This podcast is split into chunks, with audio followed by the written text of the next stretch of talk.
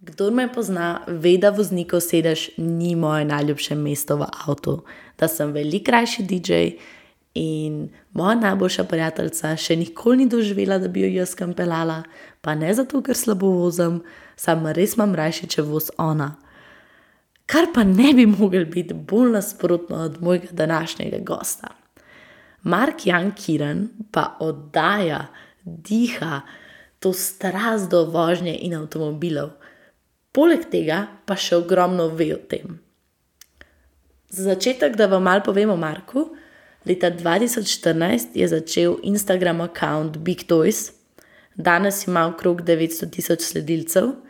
In če pogooglate, lahko najdete članek iz 2016 od Siola, kjer uh, pišejo, da samo trije slovenci se bližajo magični številki 1 million followers in to so Luka Dončić, Jan Oblak in pa Big Toys. Tako da to je bilo sicer pred Dončićevo ero v NBA-ju, ampak krkulska primerjava. Big Toys se je začel kot passion project in še danes to je. Še vedno ga upravlja Mark in dnevno na njega objavlja vsebine.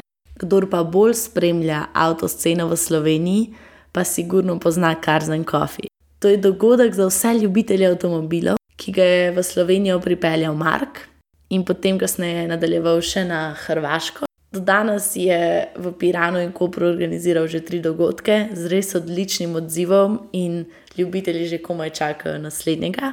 Recimo, meni je en prijatelj že rekel, da mora Marko reči, kako je bilo dobro, da ne takoj naslednjega organizira. Študiral je v Milanu International Management, trenutno pa je v Londonu na London Business School.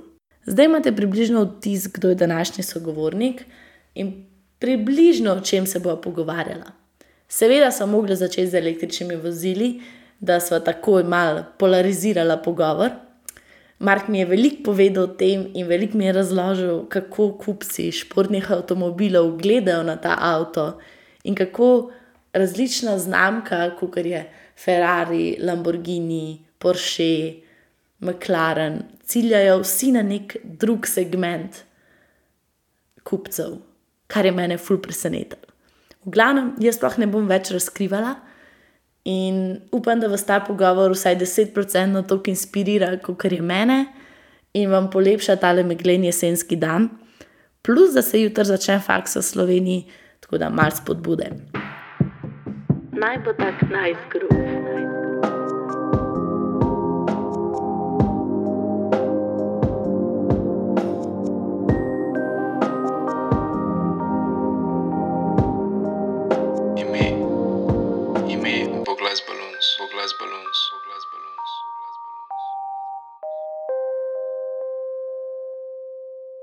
Drugač sem pa videla, da Johnson hoče by 2030 imeti um, elektrificirana vozila, vsa na cestah. Ja. Me zanima, kako se počutiš ob tem. Ta bo malo težko, jaz mislim. Glede zdaj imam um, oktobra, bo 15. oktobra, bom isto na eni uh, okrogli mizi, ker bo pa glih debata o tem. Um, ker sem v enem tem društvu, sem v društvu tiskal v tujini izobraženih slovencev in pa imajo veliko pač uh, teh dogodkov in sem bil jaz sklep povabljen, če bi zraven mal uh, debatiral in bo še par tako, mislim, drugih tam, ki so zraven, so tako. Jaz sem na par, ki sem videl, kdo pač bo z mano ja. debatiral, sem bil, kako je da fakt ste mene najdel. Pač. Ampak, um, ja, bomo videli a debata bo debata. na temo električnih vozil. Ja, v bistvu, te, ja, recimo, ja, jaz predvidevam, da bo to glavna pač debata, ampak tema je kao future mobility, ne, se pravi, na splošno. Se pravi, bo ta e-sharing. Po um, mojem bo tako, ja, elektrifikacija, sharing, um, vse živo. A pa si furaš, mislim, da ti jaz... všeč furati električne avte? Ne, mislim, tako čist, odvisno zakaj je tako, mislim. Um, ne bi rekel, da mi ni všeč, pa da mi je všeč. Če, čisto jaz sem tak, če, če grem zdaj z avtom do trgovine, pa to mi je čisto vse, s katerim avtom grem. Lahko grem s kombijem, lahko grem ali pa s Ferrariom. Čisto to, uno, tako, ker ta vožnja do trgovine mi nič ne pomeni. Ne, naprimer, mi je isto, pa če res bi šel s mhm. čemer koli. Tako da v tem smislu, da če bi imel en avto za, ne vem, okol bajte, pa da bi bil električen ali karkoli, ne vem. Mislim, tako, Ja. da greš, ne vem, po mestu. Ne. Ja, ne, nekaj, naprimer v Ljubljani, da bi imel v Ljubljani, da bi imel tako električen avto, to se sploh ne vidim, zato ker se mi zdi, da je Ljubljana tako mehna, da se to ne splača. Uh, Um, kako to misliš? tako, ne vem, rekel bi v smislu, da. Ne vem, zdi se mi tako, da v Ljubljani, tudi če že kam greš, a ne, se, se že takoj, ne vem, že, če se do morja zapeleš, je ena ura, ne, pa si dosti hiter tam, pa to, ampak narediš veliko kilometrov. Medtem ko v velikih mestih iz mojih izkušenj se lahko peleš eno uro, pa si naredil 20 km. Ja. Tako da v tem primeru v Ljubljani redko kdaj res, če padeš v tisto gužvo, se boš mogoče največ pelo pol ure, eno uro je že tisto res redkost, se meni zdi.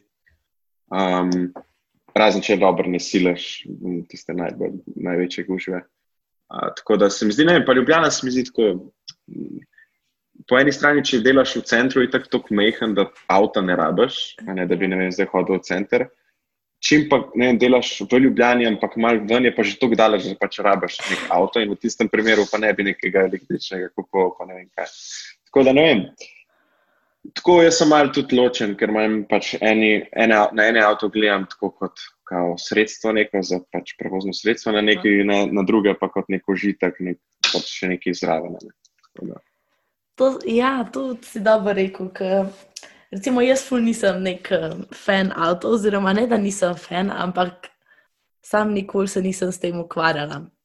In pol, zdaj, ko sem se pripravljala na ta najmen pogovor, sem prvič malo več prebrala o teh avtih. In v resnici si čist predstavljam, kako te lahko, tako kot v neki ti ful padeš in greš tako down the tunnel, tako vse raziskovati. Ti mora biti to ful fajn. Sam, recimo, moja prva asociacija je, da pol na avto gledaš kot na nek statusni simbol. Sam se mi zdi, da je to tukaj napaka, ker nisem to. ne. V bistvu je bolj Mislim, je. Imaš različne type ljudi, jaz rečem. Pač enim je samo všeč to, da pač je nek statusni simbol na koncu dneva. Če imaš ti en avto, ki je pač glasne barve, glasen sam po sebi, Ja. pač folk te pogleda, tukaj ne moreš. eh, Mhm. ne, tega ne, ne moreš zanikati, ampak um, imaš pa pol tudi nekoga, naprimer, ki meni, ja, se naprimer ta, ta rečemo, aspekt tega, da so mi všeč avto in kako zgleda športen, hud, barva, bla, bla, bla, to imam. Ampak jaz ful ne gledam na tak avto kot ne vem, nek statusni simbol. Jaz tudi pač sem že toliko avtov, naprimer, imel možnost pelati od različnih Lamborghinijev do Porschejev, karkoli. In jaz to, lej, jaz, meni je najhuj tisto, kar te folk pač pogleda. Jaz to, ne, naprimer, ne prenesem. Jaz, ne, jaz nikoli se ne bom šel z avtom pelati po mestu takim, ampak bom zmeraj šel ne, vem, nekam na eno cesto, da ga, pač, da ga uporabim za to, kar je bilo narejeno, za pač vožnjo, no, ta pravo, kot na to, da bi šel, ne vem. Um, zdaj v Milano je v- v na Monte Napoleone s- cesta, ki je najbolj znana, da bi se tam parkiral, pa da me vsi gledajo. To, to mi je pa, pač to se pa reče v zemljo. podreti, Ja, lih to, ne, to je ta driving experience, ki je pač čist drugo, ker se, če se voziš pač z nekim povprečnim avtom ali nekaj. Ja, sigurno. Tako da, ja, to mi je ful zanimivo, kako si rekel, da, aha, da ti ni statusni simbol. Mislim, da, ja, no, sej. Uh, ker recimo, jaz, uh, se, uh, to so že na začetku rekli, da te niso električni avti všeč, ampak recimo jaz sem pa ful rada Tesla. Ampak bolj zaradi tega, ker je zgodba za firmo mi ful zanimiva, pa da vrse Elon Musk je mal poseben, ampak ima pa neke take radikalne ideje, ki tako malo vzburijo neko radovednost, ne? pa malo je drugačen. Ja. Mislim, A. definitivno jaz eh, gledam, mislim tako, jaz na vsakem avtu zmeraj rečem pač, dobro, ajde, mogoče ne čisto na vsakem, da se ne bom zdaj, ampak na vsakem avtu je pač neka dobra stvar. In Definitivno pač Tesla v tem primeru je nekako začela, je, mislim, je nekako pokazala, da ta elektrika pa resen avto gre sta skupaj, se pravi, da je nekaj dejansko uporabnega, kar dosti v redu zgleda, sicer ok. Um, mislim, da dosta v redu zgleda, da, da je hiter, da je karkoli, da, da je tudi tako kul cool. in to mislim, da bo pač naslednji generaciji, ki niti ne bo pač poznala več tako, bi jaz rekel, nekih unih športnih glasnih avtomobilov, ki so pač regulacije, vse to. Mislim, da bo pač veliko bolj um, pri srcu ta elektrika, le kako je hiter, od nič do 100 km/h. Ja, glih to sem hotel reči, pač kaj jaz drugač ful previdno vozim, da si lahko predstavljaš. Ja. To je šele en let imam izpit, tako da to je vse še začetek. Uh, in zadnjič um, sem imela priložnost, da sem vozila malo Teslo. In jaz tako zelo pogumno na ugasa, veš, pritisnem. Jaz sem se tako strašila, ker to je bilo tako unoštev, se je bil kar že na 90 in to je šlo tako hitro, ampak je bilo full wow. hudo. In pa sem prvo razmišljala, fakt vidiš, to je ta driving experience, ki pač greš na road trip in je čist neki drugega, imaš pač te uvinke in je ti je to hudo voziti. In pa sem prvič malo razumela, kaj je hudega tem rally driverjem ali pa tako. Ja, mislim, da je definitivno to. Je pa tako, kot jaz mi rečem, pač to je tako, kot en šport.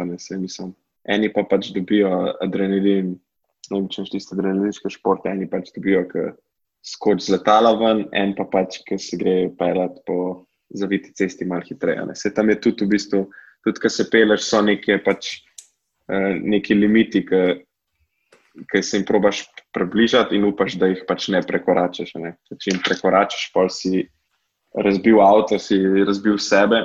Tako da tudi pač kleje nek, neke vrste drenin. Zdaj pa spet kako, pač eni se pa radi sam zapeljejo.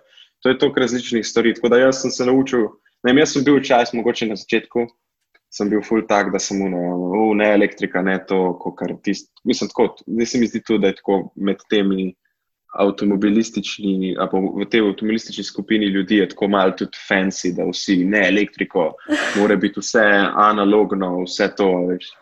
Um, in se mi zdi, da to je tako malo, mislim, no, tak trend je, da vsi temu sledijo, medtem pa če sem se pavljal, vedno bolj, ker sem razmišljal, pa tudi tok avto, ki sem dal česa, ne, v vsakem avtu. Tudi v tistem, kar nisem pričakoval, da me bo navdušil, sem se probil postaviti pač v kožo človeka, ki bi to no, kdo to kupa. Naprimer, spoh, spoh en avto, nekaj ti ni všeč. Naprimer, se ga peleš ne en teden in pa vprašaš, kdo to kupa. Kdo, mislim, kdo, kdo bo to vzel? Da mi malo popel po tem tvojem, kako pač oceniš avto, kaj pogledaš na avto, kaj so tako. Ja, mislim, da je to čisto odvisno. No, ampak ti kot pač Mark. Ja, če dobim, prvo pač pogledam, če dobim športen avto. Ja pa vse to. In še preden se peljem, pač pogledam, kdo je nekako njihov, rečemo, target market. Mislim, um, da pač vem, na, na koga cilja, oziroma za koga avto narejen, čisto približno. In pa se pač probam na podlagi tega odločiti. Um, in valjda pa tudi, ne vem, z, določ, pač, rečemo, z določeno kilometrino, ki si v toliko različnih avtomobilih, pa vse to, najdeš določene stvari, ki te pač, ki so ti kur, cool, unma boš to, tama boš to, vse to in nekako pol, naprimer v tistem rangu vozila, ki pač ga imaš, narediš neko oceno. Na podlagi tega, kar že veš odprej, na podlagi tega, kar naj ta avto bi bil, ne? se pravi, kako ga tudi podjetje komunicira in ne vem kaj. Um, in tudi tako, mislim, fulje enih stvari. Če si, če si pač v tem, not tok, pač zabit, kar sem jaz, Um, bi rekel, da je tako. Gled, začneš gledati, pa tudi ne vem, koliko ti avto. Ne, vem, ne, ne znam sploh raz, razložiti, ampak koliko, naprimer, tudi od avta dobiš nazaj nekih občutkov, nekih. Um, pač, ki se peleš. Ali je to samo, kot sem ti rekel prej, ali je to samo avto za doštecune, ki ti je vse, ali je to avto, ki se že usedeš not, pa uno, ne grem doštecune. Veš, pač, se greš pelati. Tako da um, imaš različne. Jaz sem že duhal pač, na test, čist običajno avto, ne vem, dizla, čist enega za vsak dan. In za to, kar je bil narejen, naprimer, je bil super, odvisno pač, ne vem, ali je imel veliko prostora. Pa tudi, tudi gledaš, ne, če je avto narejen, ne vem, tako pač bo zdaj imela to uh, prispodobo o trgovini. Če je narejen za to, pol. Um, Mora, imeti določene lastnosti, se pravi, da je velik, da je prostoren, da, da ni zdaj preveč neroden vse to. Um, pa, naprimer, ne rabiš gledati na to, kako hitro pospeš, kako to pretakamo avto. Brez veze to sploh gledati, ker za, to, za ta avto pač za to ni narejeno. Medtem ko pač, če bi ti pa obljubljali, ne vem, kaj je ta avtošport in to, to, to, pa, pa ni. zapoveš, da pač ni to. to. Uh, Veliko stvari je tudi subjektivnih, kar pač ali da moraš pri določenih zadevah, ki napišeš, pač skomunicirati. Ker se mi zdi, da tudi v tej dobi, pač rečemo, influencerjev, pa uh, novinarjev, pa vsega tega, ki je pač dejansko lahko že nekdo, ki ne vem. Rečemo, je malo boljši pri tem, pač, da zna opisati svoje občutke, lahko postane nek novinar, nek influencer, kar koli.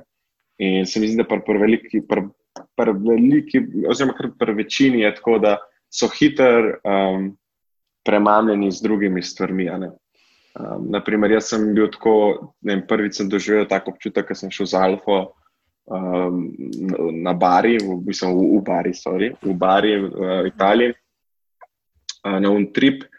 In tako, recimo, tam je bil tako res, mislim, trip je bil itak. Bil sem kot 30% avto, 70% uno, experience, hoteli, dogodki, poti, ki se peleš, vse to. Ne. In pa sem se razmišljal, tako avto, ja, ok, ne, super, vse to.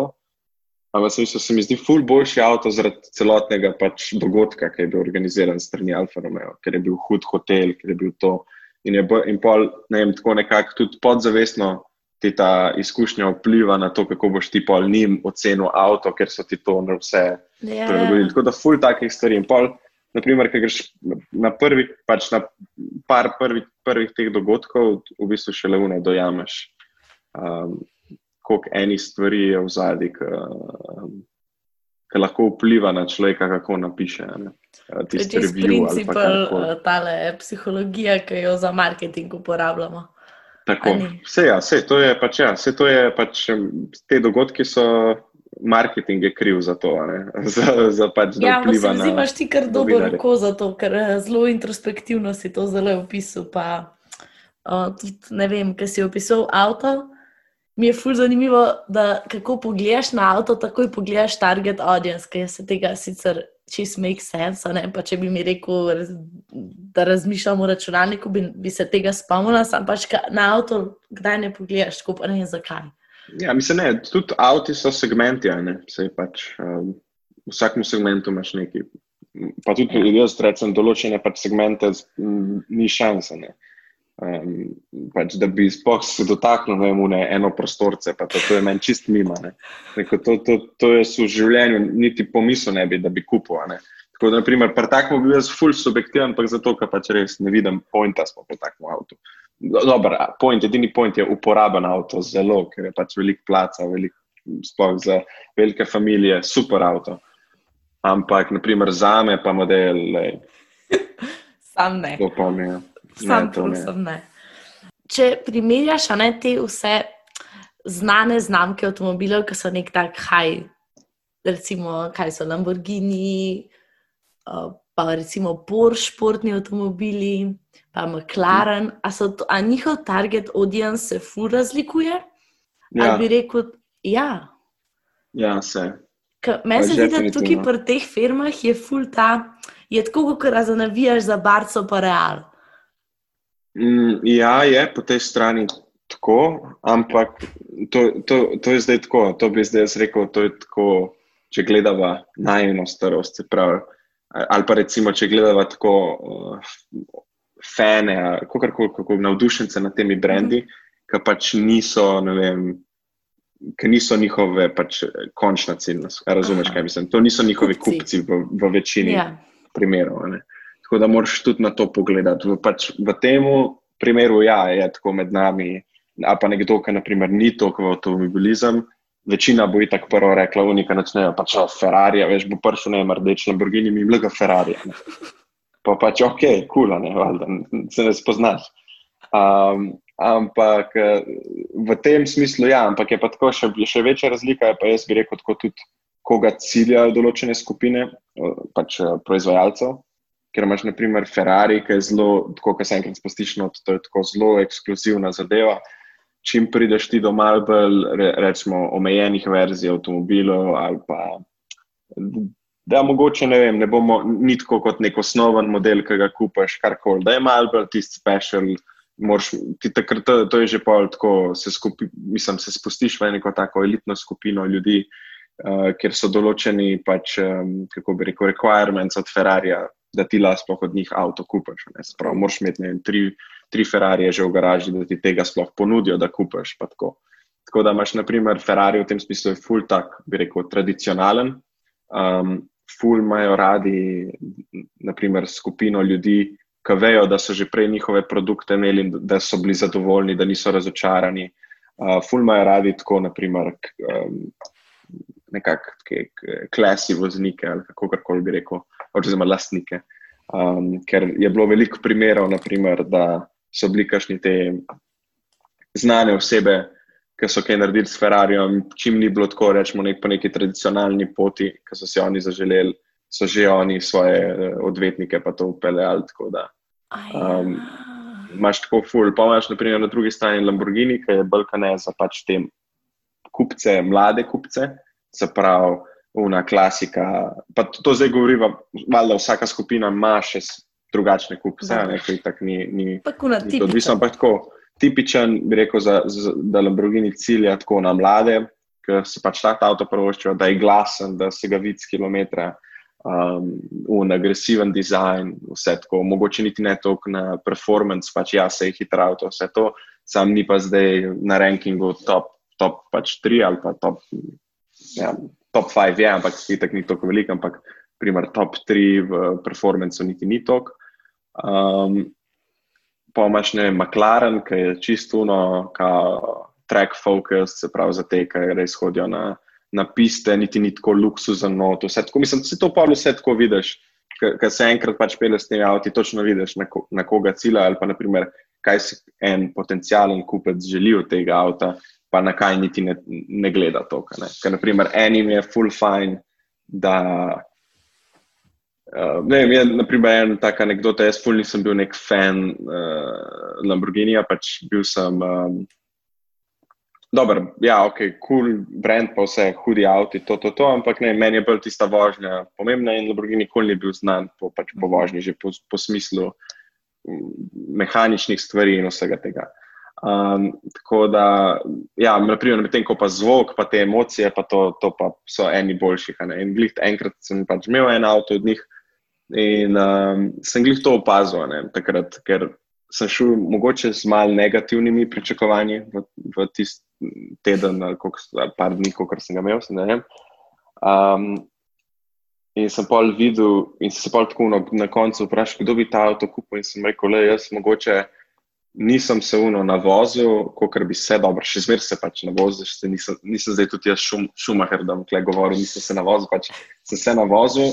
Um, ampak se mi zdi, da sem tako niti nisem se rabo toliko navozil, da sem imel uno experience na koncu full dobro, ker je bilo zvok, ker je bilo, uh, mislim, že, že vsta tako emocije not, kako je, tako agresivno narejen, un, ki klikneš gumbek, da prškeš. Pač vse te variante, ki jih ima not, naredijo nek čist drugačen experience, kot bi ga dobil na Ferrari ali karkoli. Tako da se, fu, mislim, se razlikuje, oren, tudi ciljna skupina.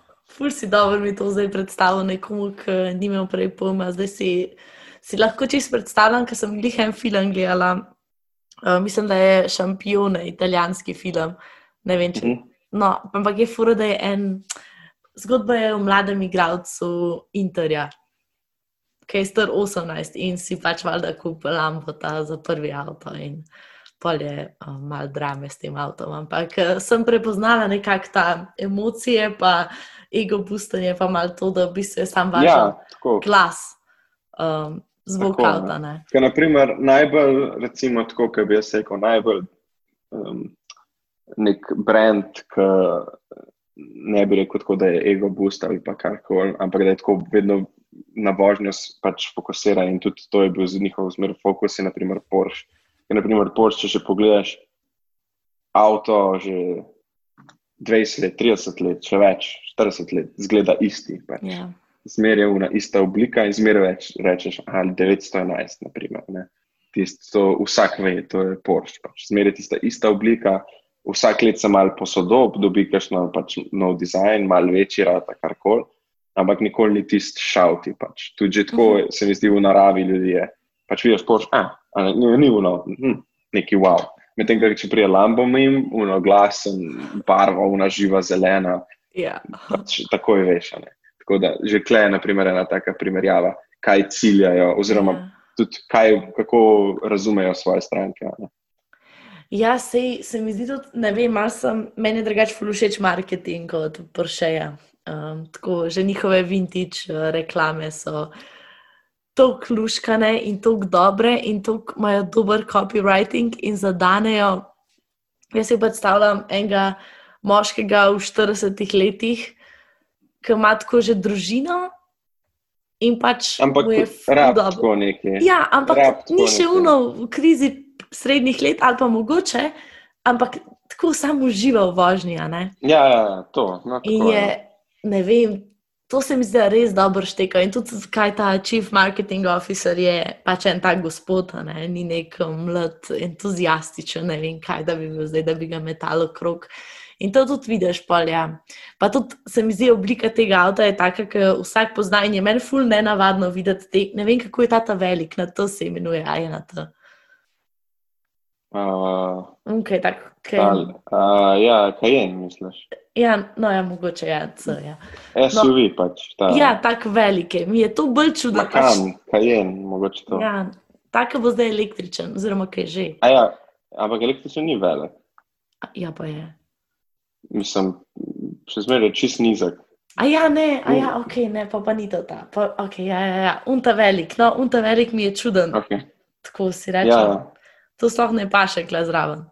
Sam so najbolj mu pač se ištekam, da so pa Ne, da bolj pač imajo, imajo pač uh, stranke. Mislim, načeloma se zdaj celoten ta, se celotna industrija uh, je full um, nekako fokusa na teh SUV-jih, pa na jeepih, oziroma mi rečemo, kar vsak ima SUV jeep. Tako da, Ok. uh, Mi- mislim, ne, tako, mislim, mi, ne, ne, ne, tako mislim, uh, da je tako v Sloveniji to, se reče, ja, zmerka ja. vidiš, No, zmerka jaz vidiš tako jeep, pač en. Jeep. Okay. Ja, visok avto, jeep. Evo. Jeep, ne? A a ni drugače, jeep, pač. jeep je pa unke, ki ima gumo zadaj. Ja, tudi je tak, ja. Jeep je pač prav brand, ne? Ja, to pa vem. Ampak, Ja, pa imaš pa pač različne. uh, eh, ki so naredili, dobro, to je tudi res. Ja. Ampak uh, Porsche je naredil, um, kako naj to lepo rečem, plant-based, tisti spredom pokrivalo avta iz ja, ja, ja, sezamovega odbijač. olja pa krompirja. Odbijač, ja. Ja, ja, to je, ampak tiste za pač dirkalnike, kjer, Ja. se, kjer je pač tak material, on potrošen material, ne? ker na teh, večinoma na teh pač eh, za avto za na cesto, ne? Moraš imeti res nesrečo, da razbiješ eh, ali pa da ga počeš kam ali pa to. Medtem ko pač te tekmovalni oziroma dirkalni, to, ki imajo dirke, to je pač prvi uvink, pa se dva malo zaletita. Zato so pač to naredili, ker tam gre res enega materijala v nič za brez veze. Ja. ampak pač ne to je verjamem. pametno, ne? Ja, je pametno, sam se mi zdi zaenkrat bolj marketinški Ja, se je. stunt, Se izgleda pa tako, kot un dice iz uh, Cars, veš. Ja, ono. ja. Točno tako zgleda, unarjavček. To, kar sem videla, sem kratko ukvarjala, se za pač kako smešen. Ampak ja, Mhm. mm. da je to. Kako si se pa naučil um, voziti na način, da ne uničiš tazga avta? Ma ne vem, um, tako, ko padeš v to družbo, uh, ko padeš pač v to družbo, pa z izkušnjami, pa vse to, pa odnegdaj sem bil ne vem, pač fan vožnje. Od, vem, tako, mislim, že od ne vem, nisem mi tudi da tako, eni pač imajo malo več feelinga, eni malo manj za to. Um, jaz sem pač tudi prijatelje, ki furajo res, pač, mislim, so nek nasleden nivo, ki se mu ga ne moreš niti približati. Ne, mislim, Ok. okay. že tako. Že ti ne razumeš več, kako, eh, kako lahko tako dobro vozi, oziroma tako hiter. Naprimer. Pa ne govorimo zdaj niti na cesti, govorimo na progi. Ne. Ja. Um, ampak tako ne, vem, se navadiš. Pa pač vse na koncu te avti tudi niso ne vem kaj, ne vem, spet kaj groznega. To je še ja, ne samo pač moraš biti en pogumen, ne? navaden avto. Ja. Mislim, ja, mislim, ja. moraš imeti- ovinke, kašne, da pa ne tam naravnost, ker greš to je tako da. Ja, to vem. Mislim, moraš imeti tako malo tudi občutek, pa tudi sploh, če avto ni tvoj, a ne, se mi zdi, da je fajn, da, da malo bolj v izi vzameš, pač, da ne greš zdaj jih podirati rekorde. Pa. Kako je pa Um, najhitrejši, kar si šel? A se to, a se Naj- to vpraša? Je to tako? Ja, mislim, vse vpraša. Um, se mi zdi, da sem šel najhitreje 337. tako da. To je bilo najhitreje do zdaj. A je bilo to na progi? Ne, ne, ne. to je bilo na, v, v Nemčiji, lahko rečemo, uh, lahko rečemo tako. V Nemčiji, na, kjer ni restrikcije. Ja. Yeah. Fak, šideš, ko je to hitro. Ja, ker no, nisem. oh, damn. Ampak se pol ti niti tako, ono, da bi zdaj šel top speed delati zmer, niti, niti ne prime toliko. Pač. Ja, To ne. je tako, mislim, veš tako je, to, tako kot sva rekla, pač eni, ne, meni so- meni bolj to, da se grem pač po ovinkih pelat, pa prijem gor, pa sem cel naspideran, no, kako hudo, pač, ne vem, koliko, koliko sta avto drži v ovinku, koliko hitro lahko speleš, to gremo še enkrat, to je meni bolj, kot da grem na avtocesto, pa sam držim pač gas. Pa. A veš, mislim, Zaspiš s kavico v roki. Mislim, ne da zaspim, sam um, me, me ni tako, ne vem, tak dogodek kot tisti, ker- to gas laja da vsaka, ne. Sej pa, pa pač dobiš tudi kretene, ki pač pa pretiravajo. Ne. Naprimer, jaz mer, nikoli nisem zmer proti temu divjanju po mestih, pa po vsem tem. Tako da, um, ne vem, jaz pač rajš videl, da če že greš, greš na kakšen, aj greš pač prvo na pisto ali greš na na kakšen tak prelaz, ker ni, vel, ni veliko ljudi. Pa zmeraj moraš pač imeti v, mislih, ne, da nisi sam na cesti. Nekako moraš biti tudi responsible. Pač. Ja, tako kot prvo sem. A misliš, da Ja. bi, eh, da bi eh, tako, da, kot v Nemčiji, ne, ki nimajo general speed limit, a misliš, da bi šlo to pri nas, da bi imeli tako četrti pas ali pa tretji, še, še treh nimamo. Mislim, če, če, bi, če bi razširili. Če bi razširili uh, avtoceste, pa bi šlo ne vidim, zakaj ne bi šlo. Ampak v trenutnem stanju je pa po mojem bolj safe. Ne, jaz sem bolj tako mislila, veš. Um, Zaradi ljudi. Ja, če pa če to v naši kulturi, oziroma če bi se mi znali obnašati. Pa ne vem, meni se zdi tako, meni se zdi tako iz vidika vožnje, pač um, pri slovencih ne bi nič rekel, da me moti. Um, Edini pač je res, da um, sem bil v Milanu, pač Italijani, sploh v Milanu ali pa še pač južneje greš, še takoj. Tam imajo vožnjo pač res um, na nivoju. Tam, je, tam ni pasov, tam se sam razporediš, tam se malo urineš, no, levo, desno. Ampak dejansko je pač bolj učinkovit tak način. Veliko hitrejši si nekje in v takem mestu mora biti tako, ni druge. Pač. Moraš malo koga izsiliti, kdaj moraš iti tja, če ne, nikamor ne priješ, če ne se lahko cel dan peleš. Um, in pa mogoče edino to, kar sem prišel v Ljubljano, sem bil pa jaz. Ne, pač. Prvič vem, da prvič, ko je dež, dežval, jaz sem mislil, da bom pač, eh, jaz sem tako živčen, ker že dolg ne v, v avtu. Takrat pa res, takrat pa sem mislil, če danes ne znorim, ne vem, kdaj bom. Ampak um, tako načeloma se zdi, da je v redu. Edin pač, kar ne maram, ampak to, to je pol. Recimo povsod, ampak pri nas je tudi kar mogoče malo bolj popularno, je ta, da vsi na levem pasu visijo na avtocesti. O, In ja. pol, pač, če si ti, če si ti malo uh, hitrejši, pa si ti ne odmakne. Pol, to, to je edina taka stvar, ki bo sam, ampak načeloma probam biti meren med vožnjo, ker se mi zdi, da brez veze. Brez veze. Mogoče Nisi se kdo ne bi pridobil italijanskih vrednot, pa načel Tako, prvožnji. tako, nisem. Jaz- Mislim, mislim, sem, pa nisem. No. Se mi zdi, da sem veliko bolj tako sproščen zdaj glede vožnje. Pa, to. pa ne v smislu tako, da zdaj, zdaj uh, v, v, kar nekaj v izi pa izsiljujem. Pa to. Ampak tako pač, no, nise, ne rabiš biti živčen za vsako stvar. Klete, ne vem, eni sil, pa že kar vsi probijo. a veš. Jaz Pač, zdaj sem jaz futbol, tako pejt, pejt, kao, v izi, pač ni- nimaš kaj biti živčen. ne. To sem dobil tako malo v Italiji, se mi zdi definitivno. Za vse stvari, to je bila taka life lesson. a? Ja, mislim, ja, ne, v Italiji živeti je drugače. Meni je bilo zelo fajn. Um, mi je všeč narod, všeč kultura, hrana. Um, pa tako, ne vem, čist drug način življenja, kot kar pri nas bi jaz rekel. Kako Um, to misliš, bolj sproščen? bi, ja, pa ne bi zdaj rekel, mogoče bolj sproščen. Um, ampak tudi to ne bi rekel, to je že tako, se sliši tako negativno. Pač sam drugačen, ker se mi zdi, da v Sloveniji so še zmeraj pač. eh, Odvisno, kakšen, kakšno življenje pač želiš živeti. Tako, jaz še, še zdaj mislim, da pač razmere za družino v Sloveniji, če hočeš imeti družino, pa se ustaliti, pa to karkoli, pač ni, ni, ni uh, boljše države, definitivno, ker imaš pač un uh, work, uh, work slash family time je tako lepo razporejen. Um, ne dela se tako veliko, pač valjda imaš vik vikendi so frej, lahko greš lepo na morje, tako tudi sama država, če sploh če zviš v Ljubljani, se mi zdi. Vsak Ok. vikend si lahko nekje druge.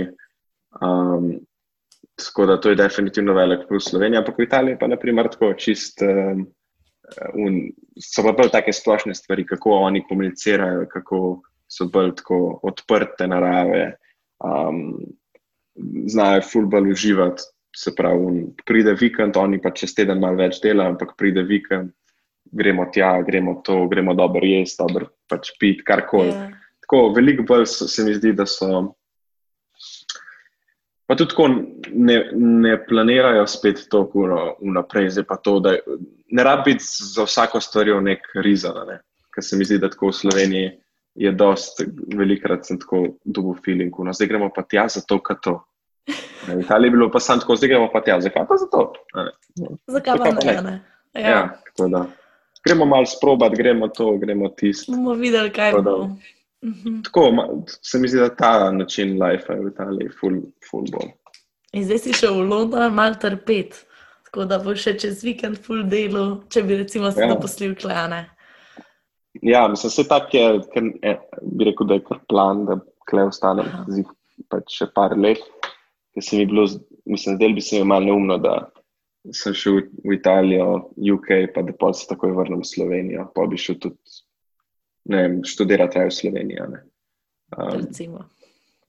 mislim, ne, tako pač sam pravim, če bi, imel, če bi jaz imel namen v Sloveniji ostati, bi pač študiral v Sloveniji.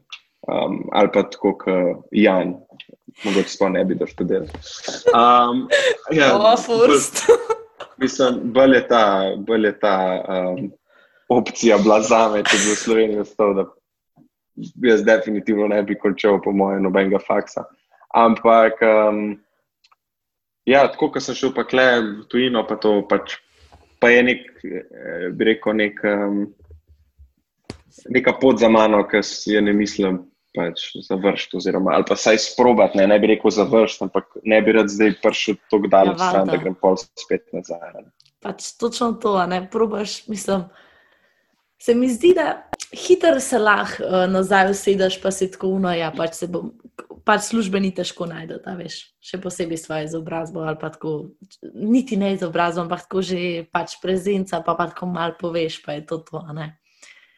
Uh, tako se meni zdi. Ja, mislim, se- ampak meni se zdi tudi tako, da sem že od nekdaj imel to željo, da bi šel ven študirati v tujino. Um, Bliž zaradi tega, ker pač ne vem.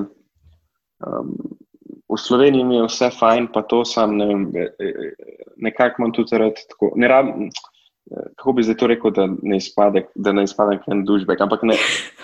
Ja, ful ne maram biti v enem krogu, ki se nikamor ne premakne. Tako nekako. Ja, ja. In grem fulrat v neke stvari, ki mogoče sprej nisem čisto siguren za to. Um, pa sam, da tako, ja, zamenjam okolje. Ja, Ampak ja, ne, ni- nikoli niti nisem tako pomislil, da bi bil nek challenge v zadnji. Ja, pa se mogoče nezavestno, ampak tako. Ne, a kdaj razmišljaš, pač, ne vem, se zdaj imaš Big Toys, pa je to recimo zdaj že kar nekaj let, ne? Pa recimo bi lahko to long term nekako mogoče zapakiral, vse ne veš. Ampak ti je rado comfort zone, po mojem. A je? Ja, mislim, ja, labi zdaj to skozi eh, vlekel naprej, pa ne vem, kaj naredil, pa se sfokusiral sam na to, sigurno. Sam mi Lahko bi bil konec koncev svojo oddajo in bi tako te avte testiral? Ja, ali pa- labi. Mislim, Ne vem, ful je- ful je obstajajo enih kritiki stvari. za avte. Ja, vse, to, to so novinari. Uh, ampak, um, ne vem, tako mogoče, mogoče res. Ja. Ne vem, uh, meni ni, ni mi v interesu, definitivno to, da bi to skozi delo. Fulejni stvari bi rad probu, videl, kako je in najdu nekaj, kam je pač uno, kam je tudi kul cool delati. Se pravi, zdaj rečemo, ker sem še mlad, sem pripravljen iti tudi v industrije, ki so mi čist, uno, brez zveze, trenutno, ampak nikoli ne veš, pač veliko se naučiš. Da. Da... Iščeš, a bi zdaj išel službo v, se pravi, ne vem, avtoindustriji? Ne, avtoindustrija. Avtoindustrija, mislim, da bom, če bom iskal, bom iskal vsaj čez par let, najmanj. Um, zato, ker se mi zdi taka industrija, ki lahko zmeraj vstopiš, sploh ne vem, z nekim znanjem, kam imaš, pa če spremljaš skozi to, pa da veš, kaj se dogaja, pa da si nekje druge izkušnje vmes naberaš, ne rabiš, ne zdaj biti dobra, zagoriva za, za take pozicije, ki bi jaz gledal. Ja, um, ne, ne, zdaj, inženir, ne bom nikoli rado, to, to, to se zavedam. Ampak. Um, Um, ja, se mi zdi, da tako to se lahko zmeraj nekako joinaš te industrije, pa nabereš izkušnje vse to. Tako da to bom šel čez par let, zdaj bom šel mogoče bolj. Um, bom, bom videl, Ni, nisem še čisto odločen, tako da pa ne bi rekel, kaj bi no, šel. No, A pa te marketing vleče? Ne, marketing ne, čist mim. Ah, okay. Finance. Ampak Ampak tako, ja, bolj tako, recimo, zdaj, v, zdaj ko sem mlad, mogoče bolj finance, pa, to, pa tudi tako, ko se mi zdi, da ne. Nek, ne vem zakaj, ampak se zdi tako, da v Sloveniji smo s temi financami dosti tako. Vsem je to tako, kot nek tabu na tema, kar rečeš. Kaj pa ja, ti tudi finance? Oh. V Sloveniji, veš. Ja, ampak ne, ampak zdi se mi tako, da naprimer, v tujini vidim tako, kot sem jaz prišel, ne vem, že v Milano, pa to sem imel ful, rečemo prijateljev, pa to, kar so bili tako, recimo, dosti izobraženi o, o ekonomiji, o financah. Medtem ko, naprimer, pri nas je prijel z gimnazije, pa se pač v nekem grejo na ekonomsko, prvič vidijo, vidijo mikro-makroekonomijo. Zdaj um, posplašuješ, ampak ja, je mislim, takih, ja. Mislim, poslušujem, pač niso, razumem, da eni razumejo, ampak nikjer se prej niso to učili. Um, veš, kaj mislim? Eh, Niko, nikjer se prej te, tega niso učili, ne mislim tako, da zdaj pač vsaka prijatelj nima pojma. Ne. To sploh ni bil moj namen, ampak pravim tako. Moj, ja, ne, moj, moj bolj bil to pojem, da pač nikjer nis, nismo se nikjer učili. Jaz sem sicer imel to pač srečo, da sem na Bežigradu hodil na gimnazijo in smo imeli opcijo, da se skoro ekonomijo za izberen predmet. Tako da sem prišel tja in sem vedel, že pač, ok, sem tudi svojega samega zanimanja vedel že veliko stvari, ampak sem tako od osnove poznal. Uh -huh. um, Medtem, ko se mi zdi, da polk se pač pogovarjam s kakšnimi mojimi vrstniki, ki so zdaj na kakšni drugi smeri, pač s njim še zdaj niso, ker so čisto osnovne stvari pač v financah jasne. In to se mi zdi, da tako mal bi mogel pri nas mal več dati. Pa sem tudi delal pri Generali Investments po let, dva meseca ja. kot nek, nek internship. In tudi tam, pač, ko smo se pogovarjali, ker oni hodijo na, pač, na faks, pa vse to, pa mislim, na, na ekonomsko, predvsem, pa imajo predstavitve, pa se, da bi se pogovarjali potem, pa so tudi oni meni tako povedali. Pač, nam se zdi, da tako razen pač par unih, ki jih dobiš ja. v, v to dvorano. Res tako malo ljudi dejansko ve, o čem se gre. Um, In, in tako se mi zdi, da pač ne že v financah, pa nas v Sloveniji, nimaš tako enega dobrega, kako bi rekel, odskočne deske za to, če, če te res to ne zanima.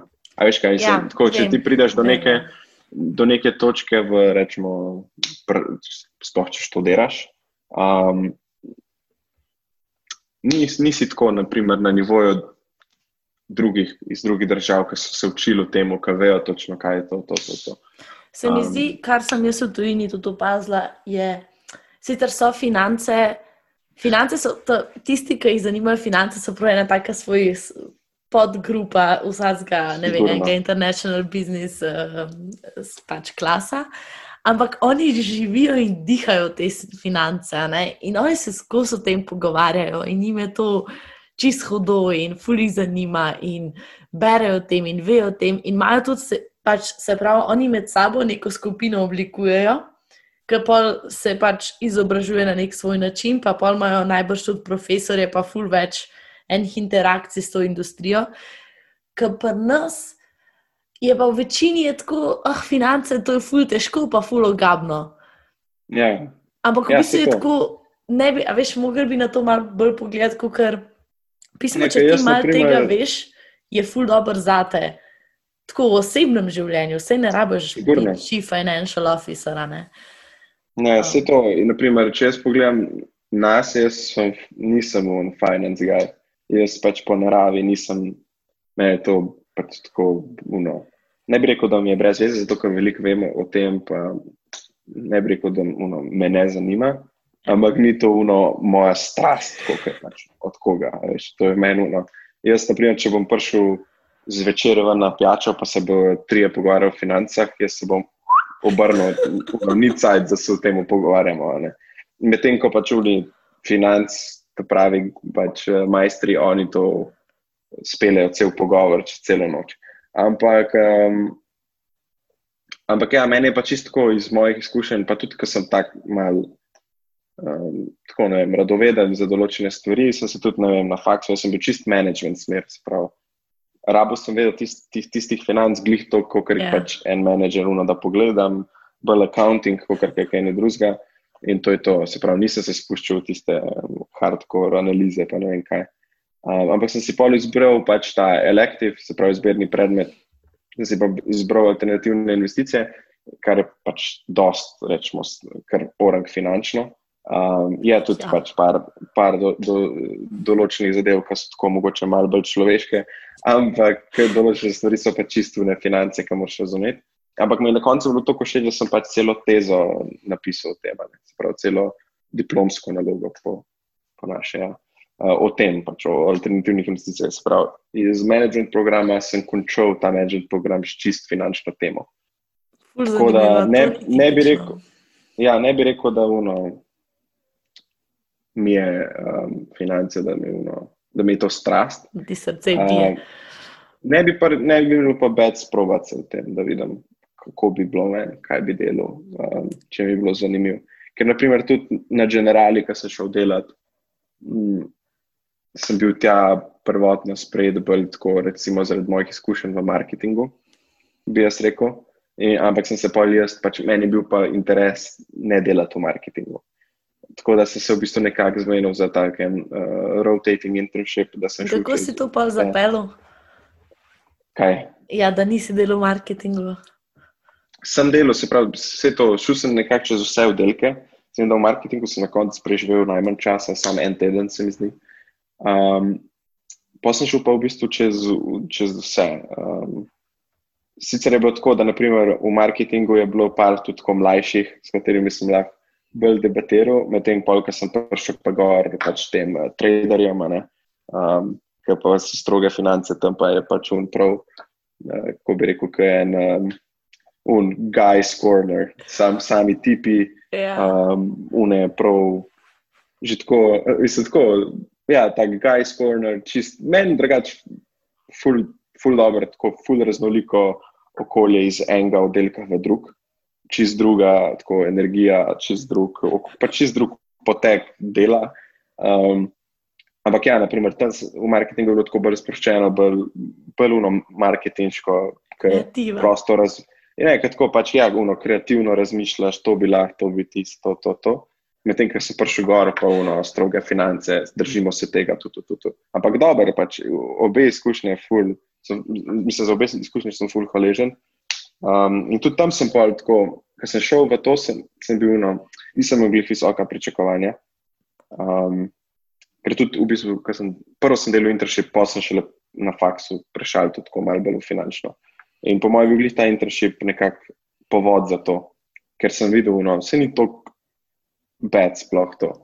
Uh, tako da ne vem, vsakmo, ki bi rekel jaz za finance ali pa za, kar, za kakšno koli smer, saj eno malo finance razumeti je fajn za vsakega, ker bo že veliko stvari boš pač že v življenju rabo razumel, kako, kaj, zakaj. Um, že pač na podlagi tvojih financ, osebnih.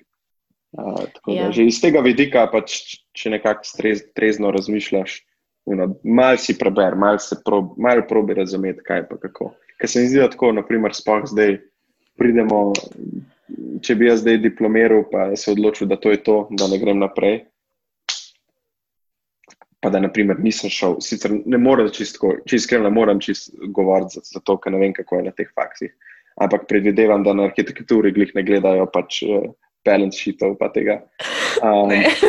Um, ampak ja, ne vem, kako bi pač ne vem, nek diplomiran arhitekt pride v svet in vem, začne delati in potem Odpre kako svoje biro, ne. Ja, mislim, kako pa svoje finance fura. Tako vsaj malo znanja bi mogel vsak, po mojem mnenju, imeti.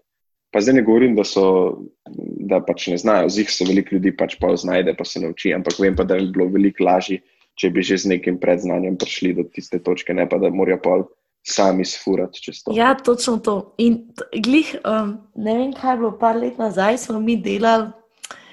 Pač, v bistvu smo trije, ki se tako malo družimo in pa neke podjetniške ideje, veš, ko malo mal razvijamo, pa na koncu tak, kdaj rata, kdaj ne. ne. No, in je bila ena ideja, ker je bil ful velik problem. Jaz sem edina, ki se pravi, študiram international business. Se pravi, to je tako nekje, pač to je v bistvu international management.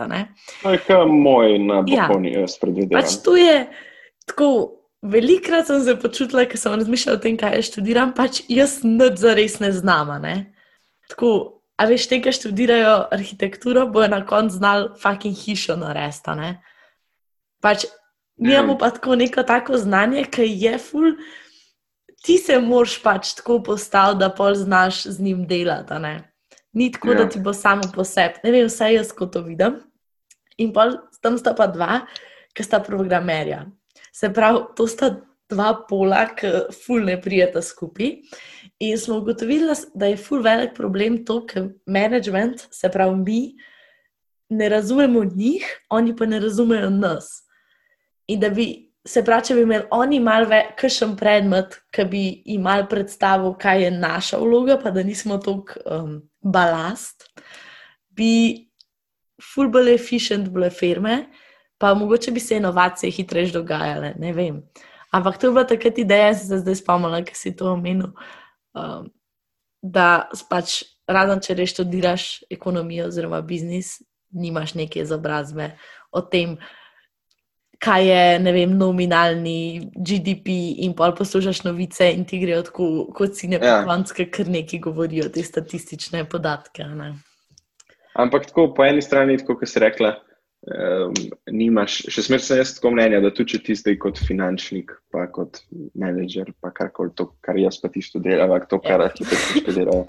Ker ti pač priješ šole, ti še zmerno večino stvari, ali pa tisto prav, kar boš pač pol, ne vem, naredil neki, nek biznis iz sebe, kakorkoli, boš pač se mogel sam naučiti. Ti se boš mogel naučiti, kako določene stvari pač uporabiti, se poprit, kako določene stvari odfurati, da boš nekaj naredil z tega. Ne? Na koncu ti dobiš tisti papir, diplomo, whatever. In še zmeraj nisi, ne vem, mislim, še zmeraj nisi nič naredil. Je, mislim, mislim jaz, tako, jaz na to tako gledam. Jaz pač, ki sem dobil svojo diplomo, uno, uh, doma in tako bravo, diplomiral sem, ampak še tako, mislim, sploh še nisem dobil diplome. Dobil sem sam izpisek na online za COVID, hvala COVID. Ampak um, tako doma, uno, bravo, čestitam to vsi, až tako je pač navada, vsi se slikati, vsi to. Jaz sem pa pač vse ta cajt, no, pa se jaz sploh še nič nisem naredil. Pač. Jaz sem uno, diplomiral sem tako kot eden od ne vem kolikih prejšnjih let pred mano, pa, pa un prejšnji let, pa un prejšnji let, tako jaz še zmeraj pač ni- nisem nič, nič nisem dosegel, še zmeraj sem jaz tazga mnenja, da če kar boš dosegel, boš dosegel uno, po svoje, kar boš, kako se boš ti razlikoval od drugih in eh, kaj boš naredil. Um, zdaj pa ne pravim, pa, da to, mislim, se pa strinjam s tem, kar si ti rekel, da bi mogoče vsak rabo imeti malo znanja od vsega. Zdaj je dobro, ajde mogoče en, ki finance dela, glih ne rab znati skicirati bajte, ampak, Ja, ne, to, Um, je, to je preveč. ampak, sam, ampak sam tako, sam tako neko, neke lastnosti bi pa lahko drug od drugega pobrali. Ampak se mi zdi, da tako, kar si pa rekla, hkrati za, za biznis. Um, mene zmeraj tako, da vprašam, no, kaj pa znaš kaj. Pa jaz tako nič v bistvu stoprocentno, ampak vsega malo. ne. Jack ampak je pa tako-. Ampak, če greš pač ne, na neko pozicijo, ker si nek v rekovajih menedžer, si ne rabiš biti niti menedžer, lahko si samo ena oseba, pač, ki nadzira to skupino, nadzira ta projekt, nadzira. To je pač ponavadi beseda menedžer, ne rabiš biti zdaj on top celega podjetja. Ampak, da si pač dobiš nek skill set, mislim, da pri tem, da ve, pač, kot si rekla, pride en programer do tebe ne, z neko težavo, pa ga boš pač ti, ne vem, dobro mi smo imeli neki programiranje, imeli smo vem, um, tudi, tudi malo tako psiholoških zadev, pa to. In bo prišel pač en programer do tebe in ga boš ti razumela nekako, ne boš ga razumela, ne boš mu ti zdaj rekla, da ti moraš tisto kodo spremeniti, da ti bo to delovalo, ne. Ampak boš razumela, kaj je njegov problem in boš mu pač pomagala čez neko drugo sredstvo. Ne. In se mi zdi, da te biznis šole, odvisno zakaj študiraš, pač če študiraš za take pozicije, te predvsem to naučijo. Pač zdaj, glih, ne vem, dva tedna nazaj sem imel predavanje in smo imeli accounting, in mi smo se pač na bokovni učili, no, pač dost hardcore accounting, se pravi, tisto, kar če bi bil nek, nek, ja, nekem, v nekem računovodstvu, da bi delal. Um, in tukaj pa pač profesor rekel nekaj predstavo celoten accounting, kako se to beleženje deluje, to, to, to je rekel, no, pri tej točki se mi ustavimo in je bilo tako ena izmed osnovnih točk accountinga, uniti accounts. Ne vem, če ste to videli. Kredit, debit, samo to. Ja, tako. Naprimer, pri tem, neko, mi ne bomo tega delali, ne, in jaz, ko ne bomo delali, se ni to point pač accountinga.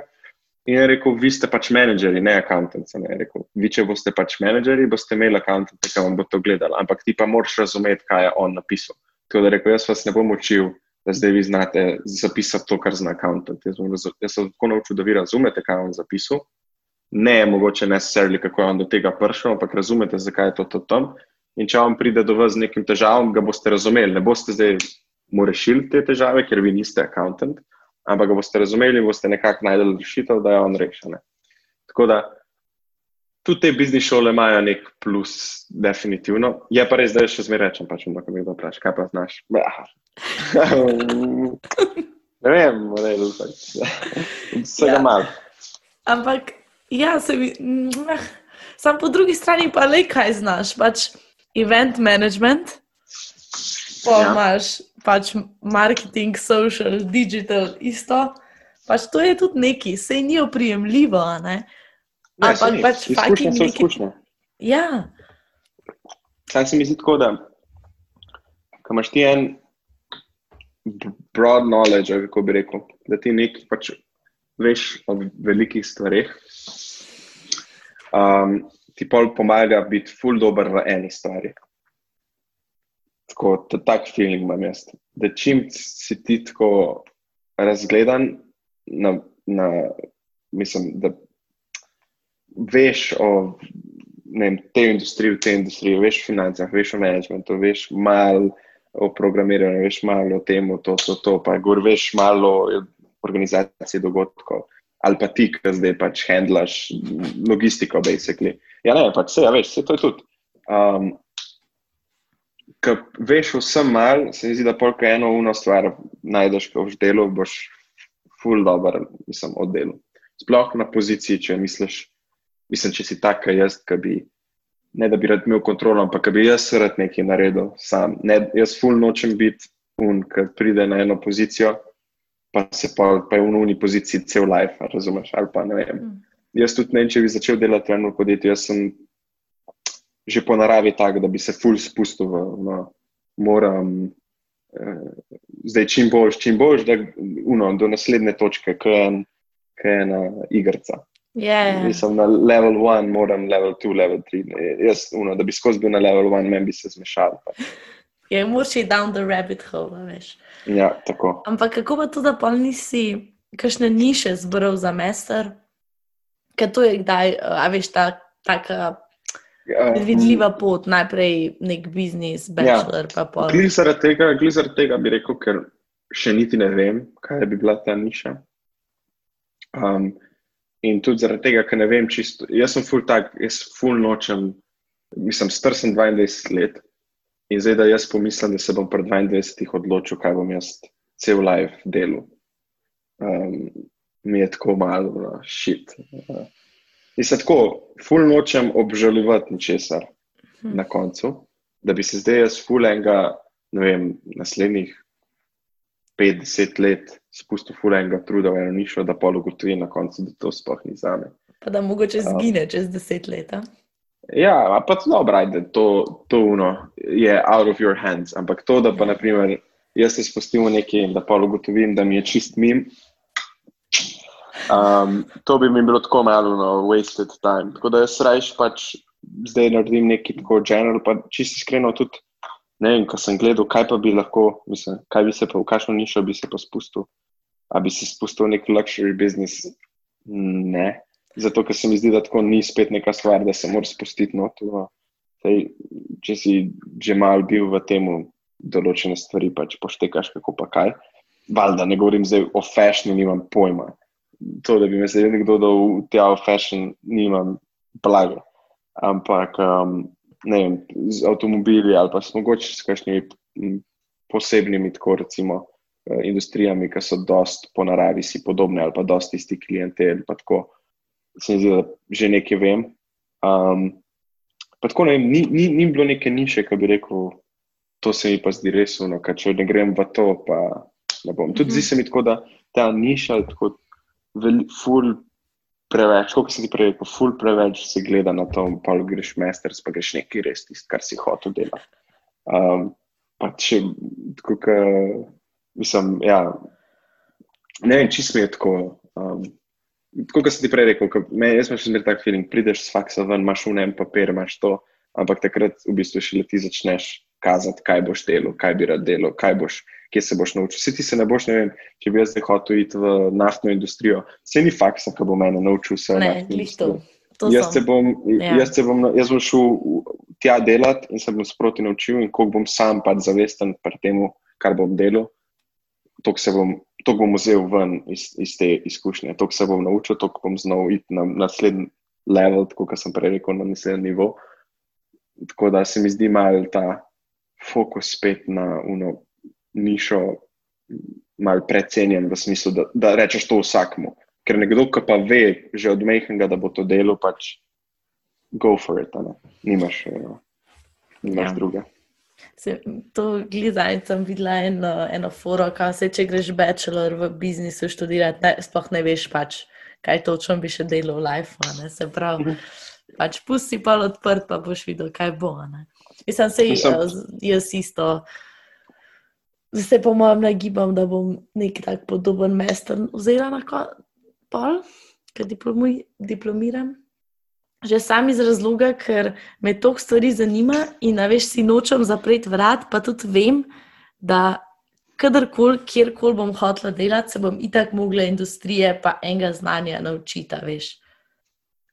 Ne. Mislim, nobena oh. šola te ne, ja. ne pripravi na, na tisto, kar boš na koncu delal. Na koncu moraš isto, in tako se mi zdi to zdaj izlet, najbolj pomembno, da ti pač razumeš folk, pa da razumeš, da ti niso vsi podobni in da gre tako tudi čez industrijo, oziroma s katerim pač tip človeka moš pogruntati, takrat, ko se z njim slišiš in pač vidiš, kako boš z njim ja. se pogovarjal in pol naprej. Ne, ne pa tudi definitivno. Pomembno. Definitivno se mi zdi, naprimer, pri tem, da bi zdaj izbral neko nišo za faks, za masters, kar koli.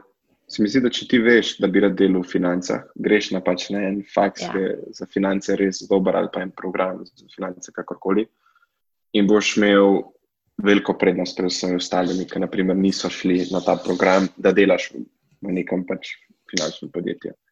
Ampak spet, sem, spet imam pa jaz tak feeling, uno da ni pa to edina pot, veš, kaj mislim. Ni zdaj to krušal, če nisi šel to, ne boš nikoli delal v financah. Ne, pač model. To sploh ni res. Pač sploh se mi zdi, da tako. Ne vem, kako je. Ne vem, pa, kako je pri nas, ampak tako, ker sem od nekdaj navaden za te internshipe, res, da sem delal internship v Ljubljani, ampak sem si to tako nekako, uh, bi rekel, tudi prek ljudi, ki sem jih poznal, pač sem dobil ta uh, internship, pa ne govorim zdaj tako. Da, Nepotizem. Ja, ne govorim oči poslov mail, ampak tako pač. Uh, dejansko pač se šutja na razgovor, vse to. Yeah. Ja. Um, ampak pač ni bilo, ne vem, ni bilo odprtega mesta online, pa sem jaz videl, da pač mogel sem priti do, do tiste točke, da, da so sploh rekli, bomo razmislili. In potem so pač videli, da sem resen, da nisem pač kar ena, ne, se tudi njime bilo v interesu, da pač nekaj tam naredim v, v času, ko sem tam. Um, in sem pač dobil to priliko, ampak vse druge pač službe, pa to, kar sem iskal, pa prijave, tudi faksi, to sem zmer delal v tujini. In se mi zdi tako, da veliko ljudi pa na koncu, ja, uno, ok, ko imaš faks, super, ampak se mi zdi pa, da še bolj tako izkušnje. Pač kaže. Ker, naprimer, tudi moja izkušnja uh, z London Business School, kjer sem zdaj, um, je dost, rečemo, kompetitiv uh, proces, da prideš gor na faks. In imaš ta, ne vem, če poznaš GMAT. Pač, ja. A si mogel iti pisati pol? GMAT test, ja. Mislim, jaz sem šel delati ta test, ker sem vedel, pač, da večina faksov, na katere sem gledal, da se bi pa javilo zahteva. No, in jaz sem takrat ta GMAT šel delati, ne vem, decembra ali kadarkoli. In valjda, ko prideš, prvo vse ful dobro gre in pridem do tistega pač, um, uh, matematičnega dela na testu. In sem imel pač uno, ne, mislim, da sem pač doma delal toliko teh testov prej, da sem imel nek, un, ok, to bo šlo tako, to bo šlo tako, neko pač, nek, nek, nek, nekako sem predvideval, kakšne bojo naloge, kakšne bojo to. In prva naloga, ko pride tok teksta, ne, se pravi, uno, ogromen pač ogromen paragraf dolg, nikoli, nikoli prej nisem dobil matematičnih tok. Jaz ti začnem brati in meni pač podzavestno to, to, to, no, kvaj to, kvaj to. Preberem, spohaj ugotovim, da ne vem, kaj sem prebral. In pol je pač so sam še uno downfall od tistega, od prvega vprašanja. Naslednje vprašanje pa sem že uno, zdaj sem tam tok časa zgubil, spomnim, če sem ja, prav. In, in, in, in se greš tako, pač z misli padeš v neko luknjo. In jaz mi rečem, da nimam kaj, pač sl slab dan. Vem, vem, da sem se pripravil, vem, da naloge, pol, ko sem pač še enkrat si zapomnil, še enkrat pač poiskal, tako so na netu. Um, ni bila težka naloga, ampak pač, pač tisti ni, ni bil tvoj dan, nimaš kaj. No, in uh, sem dobil 640, kar je dosti slabo za fakse, naprimer, kjer, je, kjer so dosti kompetitivni. Um, no, in pa je pač prišel ta COVID, nisem mogel še enkrat delati GMET-a in val, kaj sem zdaj, zakaj sem rekel, zdaj ne bom, ne bom se zdaj ne prijavil zaradi GMET-a, pač prijavil sem, kamor sem pač lahko. In se prijavil na, na, na biznis school in tukaj se mi zdi, da tako, naprimer, tukaj, ko se pač z ljudmi pogovarjamo, ne, um, pač, koliko so razlagali, pač s cimrom mojim se zmer smejijo, ne, ko vsi pač po angliško, ja, GMET, GMET, jaz sam njemu, da ne bi rekel, koliko sem jaz smel, pač, ne da ne bi rekel, zato ker bo pač ali folk znoru, ali pa pač. Um, Ali pa meni to gbed, ki me bo vsi pogledali, no, kako si tako slabo pisal, pa si prišel gor. Um, in um, se mi zdi, to, da je tudi tako, faks je faks, ja, ampak ena stvar je pa tudi pač tvoje izkušnje, koliko si pač pripravljen doživeti, koliko si to. Ampak spet pa, jaz sem zmer tak, tako, da probujem razumeti obe strani. Pač, k, mm -hmm. vem, jaz Jaz sem, po mojem, manjšina v smislu vrstnikov, pa ti, naprimer, ali pa kdorkoli, ki je tako odprt, pa bi rad toliko stvari sprobil, toliko stvari delal, toliko različnih projektov se spusti nota. Ne? Naprimer, da sem tak, tudi tako, kar razmišljam, da se ne, bi, ne morem biti nekje se ustaviti, pa zdaj bom pa to delo, pa kle, kle mi pa paše, kle sem pa comfortable. Um, in se mi zdi, da pač um, moraš razumeti tudi druge. In nikoli ne rečem, da je slabo, tist, da, če nekomu paše model, da dobi službo tam in do konca leta ja. ne dela, ali pa da niti ne službo, ampak da, da je nekam reči to. Naprimer, eni niso pač pripravljeni preseliti, pač glede študiranja v tujino, ni pač pripravljen sprobati, moj bož doma. Pač kul, cool. ni s tem čist nič narobe, po, po mojem mnenju. Pač, Zdaj pa ne vem. Um, Kašni bojo rekli, da ja, ni uno, sam doma, pa ne, da se jim ne da. Meni se res ne zdi tako. Jaz mislim, da bi vsak mogel tisto, kar mu naredi, tisto, kar mu paše in um, tudi iti po tej poti, ki mu pač njemu. Cool. Whatever floats your boat, to pač tako. Kar dela za te. Ja. Kaj pa, veš kaj, uh, ne vem, to sem zdaj malo opažam, recimo takih ljudeh, kot si ti.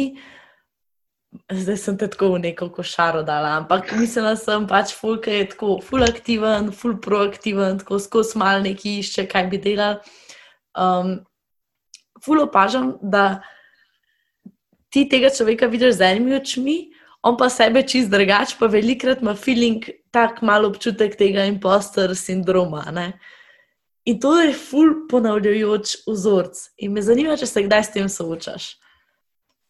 Si smisel, misliš? Tako? Ja, veš, tako, recimo, kaj imaš zdaj te big toys. Pač, in tako se ti to full downplayaš, po mojem, v svoji glavi, oziroma tebi se sploh ne zdi neki kul. Cool. Ne vem. Jaz sem dobila tak vibe zadnjič, to si ja, že ja. malo tako fed up s temi big toysi. Ampak, no, da imaš neki tasga, pa si tako, ma ne, pač to je bila sreča, veš, to je meni tako ratala, ne. Da nisi tako, da imaš res feeling, da si ti neki naredil za to. A veš, kaj mislim? Ali pa da priješ na neko pozicijo, pa si tako, recimo internship v generalju, pa si tako fakt, da je mogoče sem jaz to dobo zato, ker ne vem. Ker... Ma, ne vem, mogoče, da sem tako, ampak po eni strani pa jaz ful nisem tako, no, da bi zdaj sam sebe na hajpu ali pa uno. Kako si jak? ja, točno to. to. Jaz ful nisem zdaj, kako si ti jak. Pač. To jaz ne morem se. Stojiš pred ogledalom, pa daš roke uno, pol power pozicijo. Ne, ja, ja, mislim, jaz sem sam tako, pač uno, ne vem, če mi pa kdo vpraša uno s. Um, um, odvisno tudi pač v kakšnem krogu ljudi si, ampak tako ne vem, z dobrimi prijatelji. No, zakaj je on dubo, zakaj ne? ne? Naprimer, če bi me kdo vprašal. Pa bi mu jaz pač povedal, da on je šel, on je pač se pokazal tja do roko, ne smeš, ti si se online prijavil. Pač ne vem, jaz sem full tak, ne vem, jaz sem full tudi tak. Um, uno, ne, ne držim se vseh tistih pravil, napisanih ali pa ne napisanih. Pač probujem narediti nekaj drugega, probujem tisto, ampak ne je pa zdaj rekel, da ono, wow, kako sem dober, bravo. Mislim, to je meni fulno. Tudi tako, ne, za Big to je definitivno, sem jaz nekaj naredil, definitivno, da bo pač tudi nek, neka sreča. Ne. Um, ampak se mi zdi tako, da večina teh izkušenj, ko sem naredil tudi Karzen Coffee, ko sem organiziral, um, Karzen Coffee je tako rad čist, naprimer, uno, perfektna še danes dan je to tako moj, kako bi rekel, nek, um, nek podzavestno imam v zadju, ki se, sem kdaj hočem biti tu za pečkar, da je ne, danes ne, danes tisti ne. Um, Tiste je bilo tako, da so oni mene pač povabili za en teden, ta ekipa, jaz sem jih spoznal na enem dogodku, ko sem se pelil. Um, jaz pa še jaz nisem imel izpita, jaz sem bil 16 takrat star, se mi zdi. Um, ja, nisem več spita in sem mojega fotra v bistvu prepričal, da greva mi dva v Švico, v Lugano, uh, ker se ta dogodek dogaja in da si zrihtava en avto. In jaz se spomnim, jaz sem takrat tako želel pač en dober avto zrihtati. Yeah. Ja. Sem jaz pri 16-ih pač klical uh, vse, ki so poznali pač določene te ali šefe, lasnike, direktorje pač teh avtohiš da sem se predstavil, da sem rekel: to, to, to. Big Toys je že bil neki uh, in sem v bistvu probil prek tega, že pa 16, uro, ja, bi lahko en avto za ti dan, vse to kot test, to, to, to. In na koncu sem res dobila en ok avto. Uh, zjutraj so neštata, so ob 4, da so bila tam, ob, se mi zdi, da mal čez 9, um, da so v bistvu prišla na dogodek in takrat sem jaz tam spoznal prvič pač te um, organizatorje. Kar za kofijo, ne? Ja, v bistvu ja. tega šefa. Enega izmed organizatorjev sem pa spoznal isto tako, ko sem šel v Amsterdam, pa sem enemu prijatelju, ki sem ga imel tam v Amsterdamu, poznal koga. A poznaš koga, ki je s temi avti tukaj povezan, da ga ima nekaj videl? On mi je dal to cifro, pa me je ta povabil, pač s tem, ko sem se spoznal v Amsterdamu, povabil v Lugano. V Luganu mi je pa listi ta predstavil šefa, kar za kofijo. In pa smo bili pač tam v kontaktu, In oni so videli ta Instagram, vse to, da bi nekimi, oni smo imeli neko idejo, da bi skupaj naredili. Sem šel jaz v Torino za, za deset dni, sem bil pri njih v Torinu, spal tam, z njimi bil v pisarni, vse tako. Um, in pa smo tam delali na tem social media pro, pač projektu, ki smo ga imeli, spomni na kar za kofijo. Pridem jaz domov in oni meni tako, kaj pa Slovenija, imaš pač avte.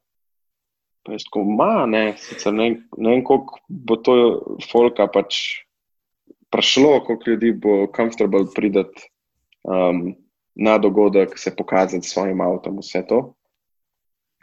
Ampak, um, po mojem, a, a bi a, si že organiziral kakšen dogodek? Jaz, jaz osebno ne. Ampak moja mama, ona ima pa pač podjetje, oglaševalsko agencijo, se pravi, dela od dogodkov do dizajnov, karkoli. Tako da imam dober izhodišče, če bom rabo kakšno pomoč. Uh mhm. -huh. In pa, ja, da je razmislil to, to, to. Jaz, itak, ne vem, si, v enem dnevu sem skr napisal, ja, bi jaz bi to organiziral, lahko dobim licenco, to, to, to, še preden sem sploh začel razmišljati. Ampak sem pa v bistvu videl, sem, sem dobil to licenco za Slovenijo, pol čez par let še za Hrvaško. Um, in sem pa, ja, kar, kar naenkrat rekel, da bom to organiziral. Na začetku je bilo tako, no, veš, bom, ampak nisem bil z glavo noter. Pač, um, Čist sto procentov. Tako malo sem gledal, malo sem prav, malo sem jutri še to pogledal. Ni bilo uno, pač, ni bilo uno, nisem si dal datuma in do datuma mora biti na začetku. Yeah. Ja. Mm, Pa, pa je bilo v bistvu tako, da sem, naj, sem dobil še pač, enega prijatelja zraven, v bistvu partner, Martin. Um, pol, mi smo se tako spoznali, isto na enem tem dogodku v Ljubljani, ki so bili neki avtomobili, on je prišel z enim svojim avtom um, in se malo pogovarjala. In vem, še ne dvakrat smo šli na kavo, tako malo pogovarjali o dogodkih v Sloveniji, niti ni to, sploh ni tako enega dogodka, res sem ga to, to, to.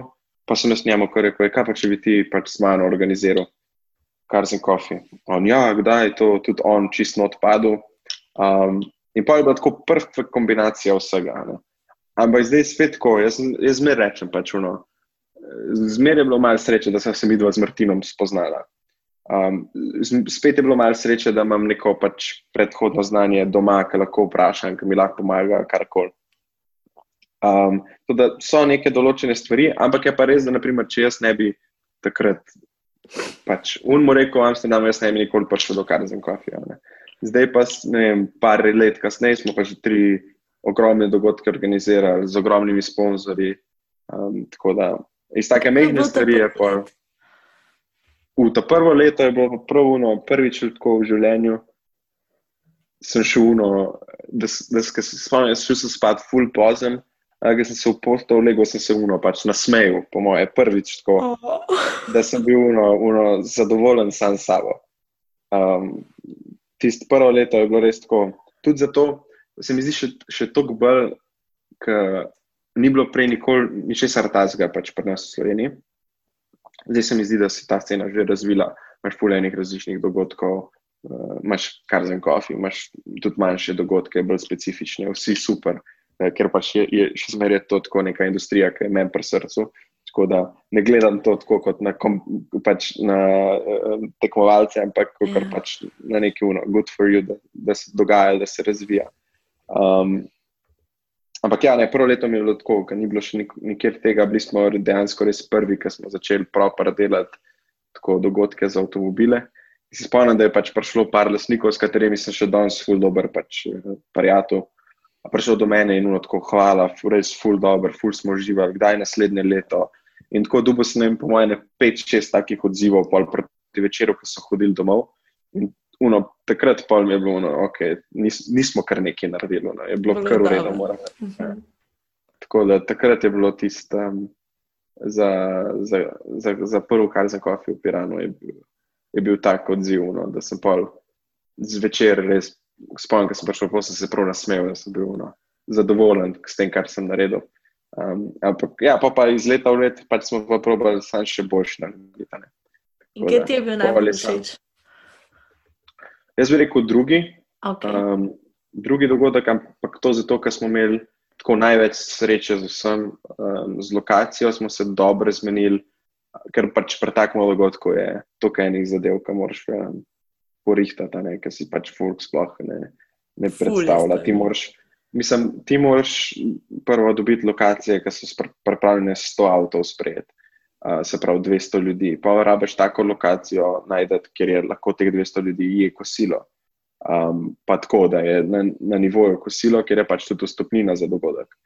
Pa moraš um, najti public lokacijo, pa moraš poskrbeti za vsa dovoljenja, na privatni, niti ne tok, razen če mhm. pač mi smo si dali dosti zahtevno, ker smo imeli pač brdo eh, pri kranju, ki je uh, pač. Eh, Država, ja, ker, ker, tako državno posestvo, tako da je bilo veliko um, pregovarjanja in prošljanja in vsega tega iz naše strani. Um, tako da mislim, je fulen, res toliko enih stvari, na koncu pač priješ, že imaš tako vse, pa se pa rečeš, zdaj pa moramo še 100 avtov nabrati v Sloveniji. Pa spet ni tako lahko. Pa pa pač prideš do, do marketinga, do oglaševanja, do objav, vse to. Tako da um, skupaj smo bili, skupaj smo v glavnem tako pobudo, bi jaz rekel, so prekarzen kofi, predvsem jaz pa Martin Furala, tudi vse tako, da je nekako gla, glavno besedo smo imeli prvsem. Um, glede lokacije je veliko pač teh kontaktov od, od moje mami oziroma njenega podjetja prišlo prav, ker so oni dali poklic z mense. Um, tudi, tudi ona je pomagala zraven in tudi ona je del ekipe. Um, že tako, pač pri določenih stvarih se mi zdi, da je to zelo pomagalo ker nisem rabo zgubljati časa, ne vem, kje dobimo zapestnice za voznike, kje dobimo to, da raziskuješ, kaj je najboljša cena, kje je to, ona sam mm -hmm. poklic, naroč. To. Tako da je bilo določene stvari, so mi bile full ulajšane pred tem. Še zmeraj pač veliko dela, ampak ja, pa social medija, pa oglaševanje se je tako jaz furo, ker nisem. to gre tako dobro. Ne, da mi gre tako dobro, ampak pač no že, že z principa ne bi bil pripravljen nekomu plačati, da to dela na mestu mene. Um, pa tudi, pač, je veliko, uh, nočeš pač spet, ti hočeš narediti organizacije dogodkov, na koncu dneva dogodek organiziraš, a ker je pač to tvoja strast, b pa ker bi tudi rad nekaj iz tega dobil, ja. pač, zaslužil, še zmeraj biznis, to, to ne morem jaz zdaj kleprodati ene ne, pa se ti pač povedati, kako je. ja, no, vse pravim. Pač. Um, Sam je težko, ja. no, te eventi so hiter, pač imaš, pač full cache porabiš. In... Ja, mislim, da je to, to preventu tako je pa najboljši, kako zmeni, pač čim manj stroškov. Tako da pol, pol naprimer, ki še to formulo vključiš, no, začneš gledati, pač, kera lokacija mi nud oboje. Se pravi, ker ponači ti najdeš neko lepo lokacijo, ne vem, nek grad, najbrž nimajo um, šefov, not, pa pač um, rečemo nekaj cateringa. Yeah. Ja. Um, in se pravi, moraš plačati njim lokacijo in moraš plačati posebej eno cateringo. Medtem ko tukaj v Prbrdu so bili full super, smo plačali samo catering, lokacija je bila zraven, ker smo pač 200 ljudi pripeljali. Se to ni to ni še zmerno majhen strošek za catering. Ja. Um, tako da take stvari moraš pa res gledati, res um, razmišljati o, o vsem, se pravi, celotni zgodbi. Um, ja, in tako da, ne vem, kar za kofi je bila zelo dobra izkušnja, ful sem se naučil, res, ful velik. Letos nismo organizirali zaradi COVID-a. Veliko ljudi je pisalo, da je bo, kaj bo, ampak še zmeraj sem jaz mnenja, da mogoče je kdaj je tudi fajn narediti, na, narediti korak nazaj, ustaviti vse in tudi um, ne samo ti boš pa naslednje leto ali pa čez dve leti ali pa kaj boš razumel, če hočeš še enkrat narediti na veliko, kaj pa kako, ampak tudi ljudje si bojo, pač ved, bojo vedno bolj pogrešali. Ja. Um, zato se mi je zdelo, da je bil ta Karzen Coffee bil tudi dosti uspešen, ker smo res naredili samo en dogodek na leto. Tako da je pol toliko časa minil, da so že komi čakali, da bo spet. Um, ker če bi še šel to ne, vsake tri mesece, vsake štiri mesece, bi pol tudi že folk bil. Ne, veš, um. Pa ni toliko audienca, kle v Sloveniji, da bi, po mojem, ne vem, yeah. se, ja. če si v US, ti mm. lahko vsake. Vsak Audience, audience je klientelen in za pač avtomobile. No, ja, ok, mogoče, ja. Drugače, sem omenila, da te imam na podkastu. Je rekel, da ti ja. moram reči, da so bili full hudi vsi trije, uh, kar za en kafi, da je bil posod in da zakaj letos ni bilo in da čim prej bo. Tako da te full, ja. uh, full ko mi čaka, se mi zdi folk. Jaz sem sam, ja. sam, kar vem, je tako prek knjige, ker ta zadnji je bil 2019, takrat so se že mhm. poznali. Mm -hmm ampak nisem šla. Sem pa hotla, ampak nisem šla. Ja, ne, se ne, se ni, mislim. Tukaj, a veš, meni tako, meni se zdi ful hudo, ampak meni tako ni bilo jasno, kako to čist zgleda, pa tako, kaj je čist point tazga dogodka. Takrat nisem razumela. Ja, ampak, ampak se to je tako, kot če bi jaz zdaj rekel, kaj je point, ne vem, ene trgovine, fashion, ja. ki se odpre, pa grejo določene pač punce pogledati. Kaj je point? grem lahko, Mislim, se ga lahko čez deset dni ista trgovina bo. Veš, ko pač ne, Ja, pač, ampak zdaj štekam, dovoljajo. kaj je.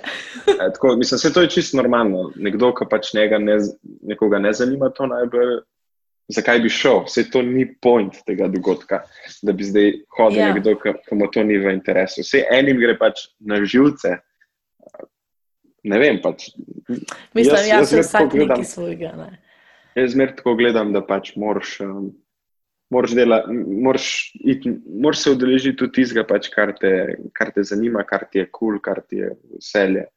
Um, ker čim začneš delati nekaj, kar ti je mim, um, pa brez boš veze, da to slabo naredil. Tako je. Se mi zdi, da če ni. Tako, kot si rekel, da na začetku je trajal, boš mal jutr si prebral, pa pojutrišnjo Ja. tole. Ja, ampak tudi na začetku, jaz mislim, da nisem sploh verjel vase, da, da, da, da lahko to spelem. Um, pol, ko sem dobil še Martina on board, je bilo živuno.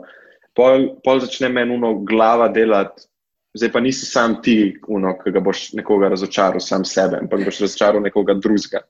In pol je že uno več on, pač na liniji, že več stvari visi um, na liniji, tako da pol začneš razmišljati, ok, zdaj pa moram, da zdaj on mene čaka, da to naredim. Pač, uno.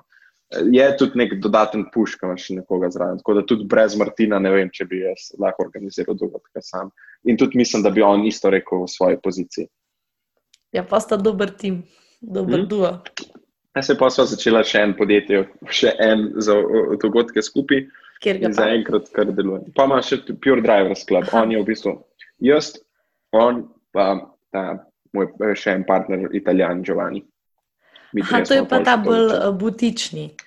Tako, ta je pa bolj tako samo za lastnike. Nimamo tega javnega dela, nimamo šova, imamo bolj um, specifične ljudi, specifične sponzorje, se pravi, imamo bolj tak uh, direkten marketing, bi lahko rekel. Ne, ne un, uh, ne un um, pač, da vidi čim več ljudi. Lead ne, ampak- generation ali pa kaj tako. ne. Tako, ampak imamo tako pač dejansko, da, da pridejo podjetja do tistih oseb, ki imajo dejansko, mislim, ki so dejansko njihov od target audience, ki so dejansko tisti, ki bo kupil to stvar. ne. A, Kot recimo, ki si prej rekel, ki so o Ferrariju govorila, ne pa o tem, če imaš tri Ferrarije že v garaži, da pa lahko ga posebej kupaš. A so ti AirPods crknili? Evo, zdaj, zdaj. A, ok, zdaj te slišim. Ja. Uh, ja, ne tako, kot sem prej rekla, se pravi, uh, unik, recimo, ima že tri Ferrarije v garaži, da greš tako pač recimo po nekem imeniku, ki bi imel to upisan, recimo, in da bi Ferrari povabil teh x število oseb iz sveta na nek experience, da bi pol promovirali svoj produkt, ta eliten, recimo, a tako na to forum. Ja, ne, mislim, mi smo tako delali, čisto v bistvu, da smo, mi smo imeli, naprimer, da dam primer, mi smo imeli uh, McLaren kot sponzor, Uh -huh. imeli smo Richard Mill, se pravi, to so te ene zelo drage ure. Um, pa imeli smo še en tak finančno investiranje v zlato, pa tako um, uh, varianto. Um, se pravi, v bistvu, smo veš, ko, uh, te so bili glavni, se mi zdi. Tako, taki, da so, mislim, se dogodek je bil tako kroven, ampak oni so prišli tja zato, ker je bilo vem, 30 ljudi s takim networkom, s takim pač so vedeli, da okay, to je pač naš target audience. Ker ne bo, naprimer, sploh rečemo Richard Mill, oni ne bodo dobili 30 ljudi v enem dnevu, ki bo prišlo v njihov showroom, Uh -huh. sploh pa z zagotovostjo, da lahko kupi to uro ta človek. ne. Pri nas pa pač je to bilo. Um, in pa tudi, ko pomisliš, isto McLaren pač. Dejansko pri nas v Italiji je McLaren prodal en avto na našem dogodku, pač, ker so imeli te testne vožnje. In oni so se pelali gor dol, in pač on je prišel, ta lastnik je prišel nazaj, bil je z nekim Porschem in je dal vizitko in rekel: Pokličite me pač v ponedeljek, bom kupil avto, pač čist mi je noro. Ne. Tako da je pol dejansko pač bolj tako specifično, sponzorji uno, želijo do ljudi pridati, ne do množice, se pravi do tistih svojih ljudi. In to je pomen, pomemben pri tem, bi rekel, ja, pri tem. Um, A pa so pa tudi kakšne te um, pomembne figure iz teh podjetij tam bile zraven? Ja, pri nas, naprimer, to je bilo meni najbolj pač, um, zanimivo, ker sem pač ta um, Richard Mill. Se pravi, ko sam ti povem, Um, naš dogodek, mi smo šele začeli, recimo, podjetje, kakšne en let prej, mogoče, so, mogoče smo imeli en dogodek prej, se mi zdi, da en dogodek prej. Um, in pol smo pač pristopili vsem tem podjetjem, imeli smo dobro zgodbo, imeli smo dobre reference, imeli smo že, že dober database ljudi, tako da prepričati jih ni bilo tako težko. Ampak pol jaz, na primer, začnem, jaz sem itak social media, furu vse to, slike, imel sem fotografe čez, pravi ta tudi content creation, vse to, že pač zaradi svojih izkušenj. Um, in kliče men, mene en dan neka cifra, London, pač UK cifra. In jaz v domu zdaj to kliče. Ne? In um, jaz se javim, jaz čisto, no, ja, halo. In ona kar neka, ne vem, kako je bila, Nili ali kako je bilo ime ena punca, ful prijazna po telefonu, vse to.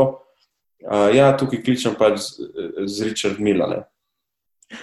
In jaz tako, kakšen Richard Milan, meni men čaka, kakšen Richard Milan po angliško, če sem prej skozi Italijanijo, veš pa. Uh, še to je bilo, da je bila ta šefica tega Richard Milana, bila srpkinja tam v Milanu, tako da sploh nisem rabo italijansko če to Oh, super. um, no, ampak v glavnem, Mislim, kaj me zdaj to? In ona, ja, kličem pač tukaj iz HQ od Richard Mila, um, radi bi pa za te stvari, vse to. In pa sem bil skok, ok, to ni tok, kar neki, pač skoro, te kar uh, ta prav folk pokliče. Um, tako da, ja, pa smo imeli, na koncu so prišli, pač prišel je prav en ta njihov glaven watchmaker, ta, ki se stavlja ure. Iz Švice prišla je pač cel, ne mene, dve iz marketinga ta. Nili, ali kako je bilo, upam, da, da se, zmi, pač se spomnim prav ime. Ampak ja, so prišli pač pogledati, tako oni so prav naredili celotno analizo dogodka za njihov celoten brend. Ne. Ja, hudo. Tako da ni, ni bilo samo neka um, subsidiary ali pa neka, neko to podjetje, ki pač fura to znamko v Italiji, ampak so kar prišli oni zraven pogledati je bilo kar zanimivo, pa tudi fajn je tako delati z, z resnimi podjetji. Naprimer, um, je čist drugače kot pri nas. Naprimer, jaz sem imel čist drugačno izkušnjo pri organizaciji teh dogodkov v tujini, kot pri nas. Ne. Kako te pa pri nas resno jemljajo? Recimo, že tako, če si bil prvi dogodek, je bil 2016, ne? Aj bil 16. Da, uh, 17, 18, ne 17. 17, ki je bila matura. 17, ja. Ja. A, super ja. si si izbral časovno. ja, jaz, sem glih, jaz se spomnim, da sem bil v Nuku in se mi zdi, da sem tako, da sem do 11. Sem za dogodek delal, pa, pa od 11. do 5. sem se učil za maturo, pa, pa od 5. še malo za dogodek. Tako da nek tak miks sem naredil. Jaz sem takrat provem, jaz sem odpisal, se mi zdi, da maturo. Jaz sem odpisal mat, zadnji test mature v torek, v soboto sem imel pa dogodek. Super. Ampak smo vse na koncu naredili. Pač. No, ampak da je prva se na to, um, kako so te takrat resno imeli, glede na to, da si bil 19? Um, ja, nič, kaj je dosti resno. Sej, na srečo nobeno nisem prišel, pa sem rekel, že sem Mark, pač, da sem 19 let star. Uh, tudi že malo brade, pa to in so ja, vsi, sploh niso sprašvali. Um, Ampak ja, ne, definitivno pač je, je bilo težje, kot če bi imel neki, neko pač zadevo v zadnji. Um, mislim, pa če bi bil starejši ali kakorkoli. Pač tako. Nekako se sem bil že navaden iz te neresnosti, pa, da, da tako malo podcenjujejo, že pač iz Big Toysa, ker sem imel veliko takih izkušenj. Um, tako da me to niti ni overalo ne bi pa rekel, da so me pač jemali resno. Sploh, sploh pač prvo leto, ko prideš ti, ja, bilo bo sto luksuznih avtomobilov, športnih v Sloveniji, vsi bojo prišli, pa vsi bojo se šli pol razkazati na, na javni del. Pač valjda noben ni, noben ni tega verjel. Ja, dem, to je, mislim. Sploh si ne predstavljam, kako je, že ne vem, mi smo imeli en dogodek, pa pač ni tak luxury market, ampak je fura, da je bil trodnevni dogodek. In mi smo imeli ful idejo, da bi v bistvu iz, iz centra naredili en tak um, adventure park. In pač okay. pol je tako relativno ratal, ker to je v sklopi tabornikov bilo. Ampak, smo mi prišli uh, k pač Županu in rekli, da bi imeli mi zipline uh, čez Ljubljano, je bilo tako srednje. tak, uh, ni bil nek pozitiven odziv, ker pač če prije nekdo, ki je star, ki sta stara 2,17, pa 1,23, pa to tam predlagajo, je tako malo. Vse bomo imeli varnostnike, pa vse, ampak niso najbolj uh, srečni, ki to slišijo. Ja, mislim, se jaz sem tudi, mislim, da sem veliko takih zadev, sploh pač tako, bolj, uh, bolj tako teh javnih lokacij, ne, kjer boš ti prepričati njih, da ti za ston omogočijo, pač, da avto parkiraš v centru. V Ljubljani v treh letih nam to ni ratalo. Pa ste se trudili?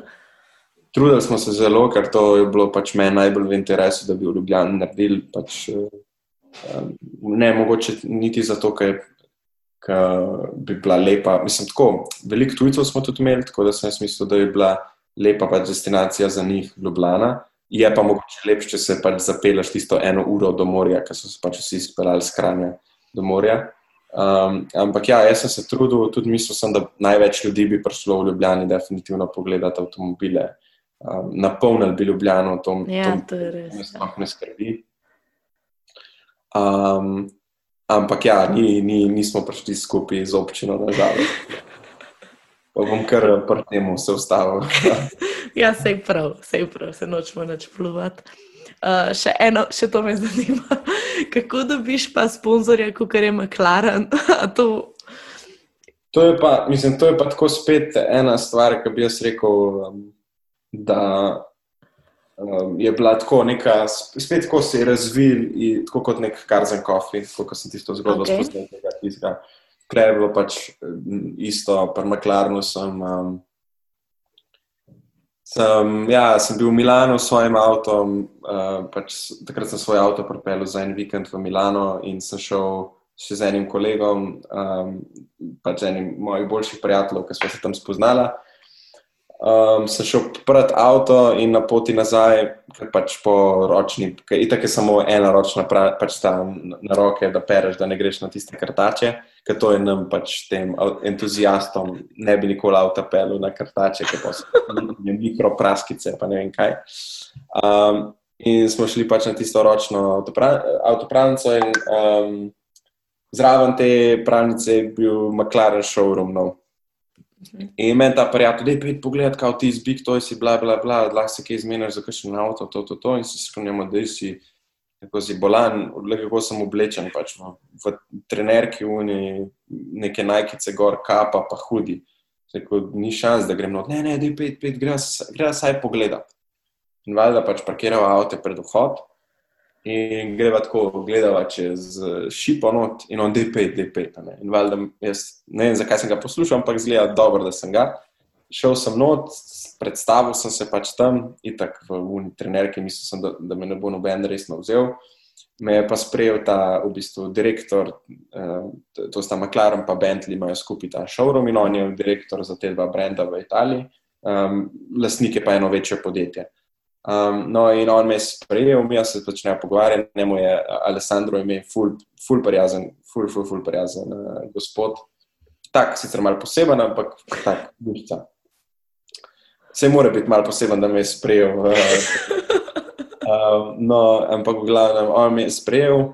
Um, Začela smo se pogovarjati, čez en teden sem bil spet tam, spet pač predstavil sem ideje, predstavil sem to, kaj bi lahko naredili pač social media, res, da so ga glih odprli, tako da so bili čist frišni in so rabili tudi pač ideje, rabili so um, nekako zbustati to, da je pač McLaren je prisoten v Italiji, kar je pač itak težko. To je tako, mm -hmm. da bi, ne vem, šel v Ameriko, pač naš futbal igra, ne, ne mogoče. Pač.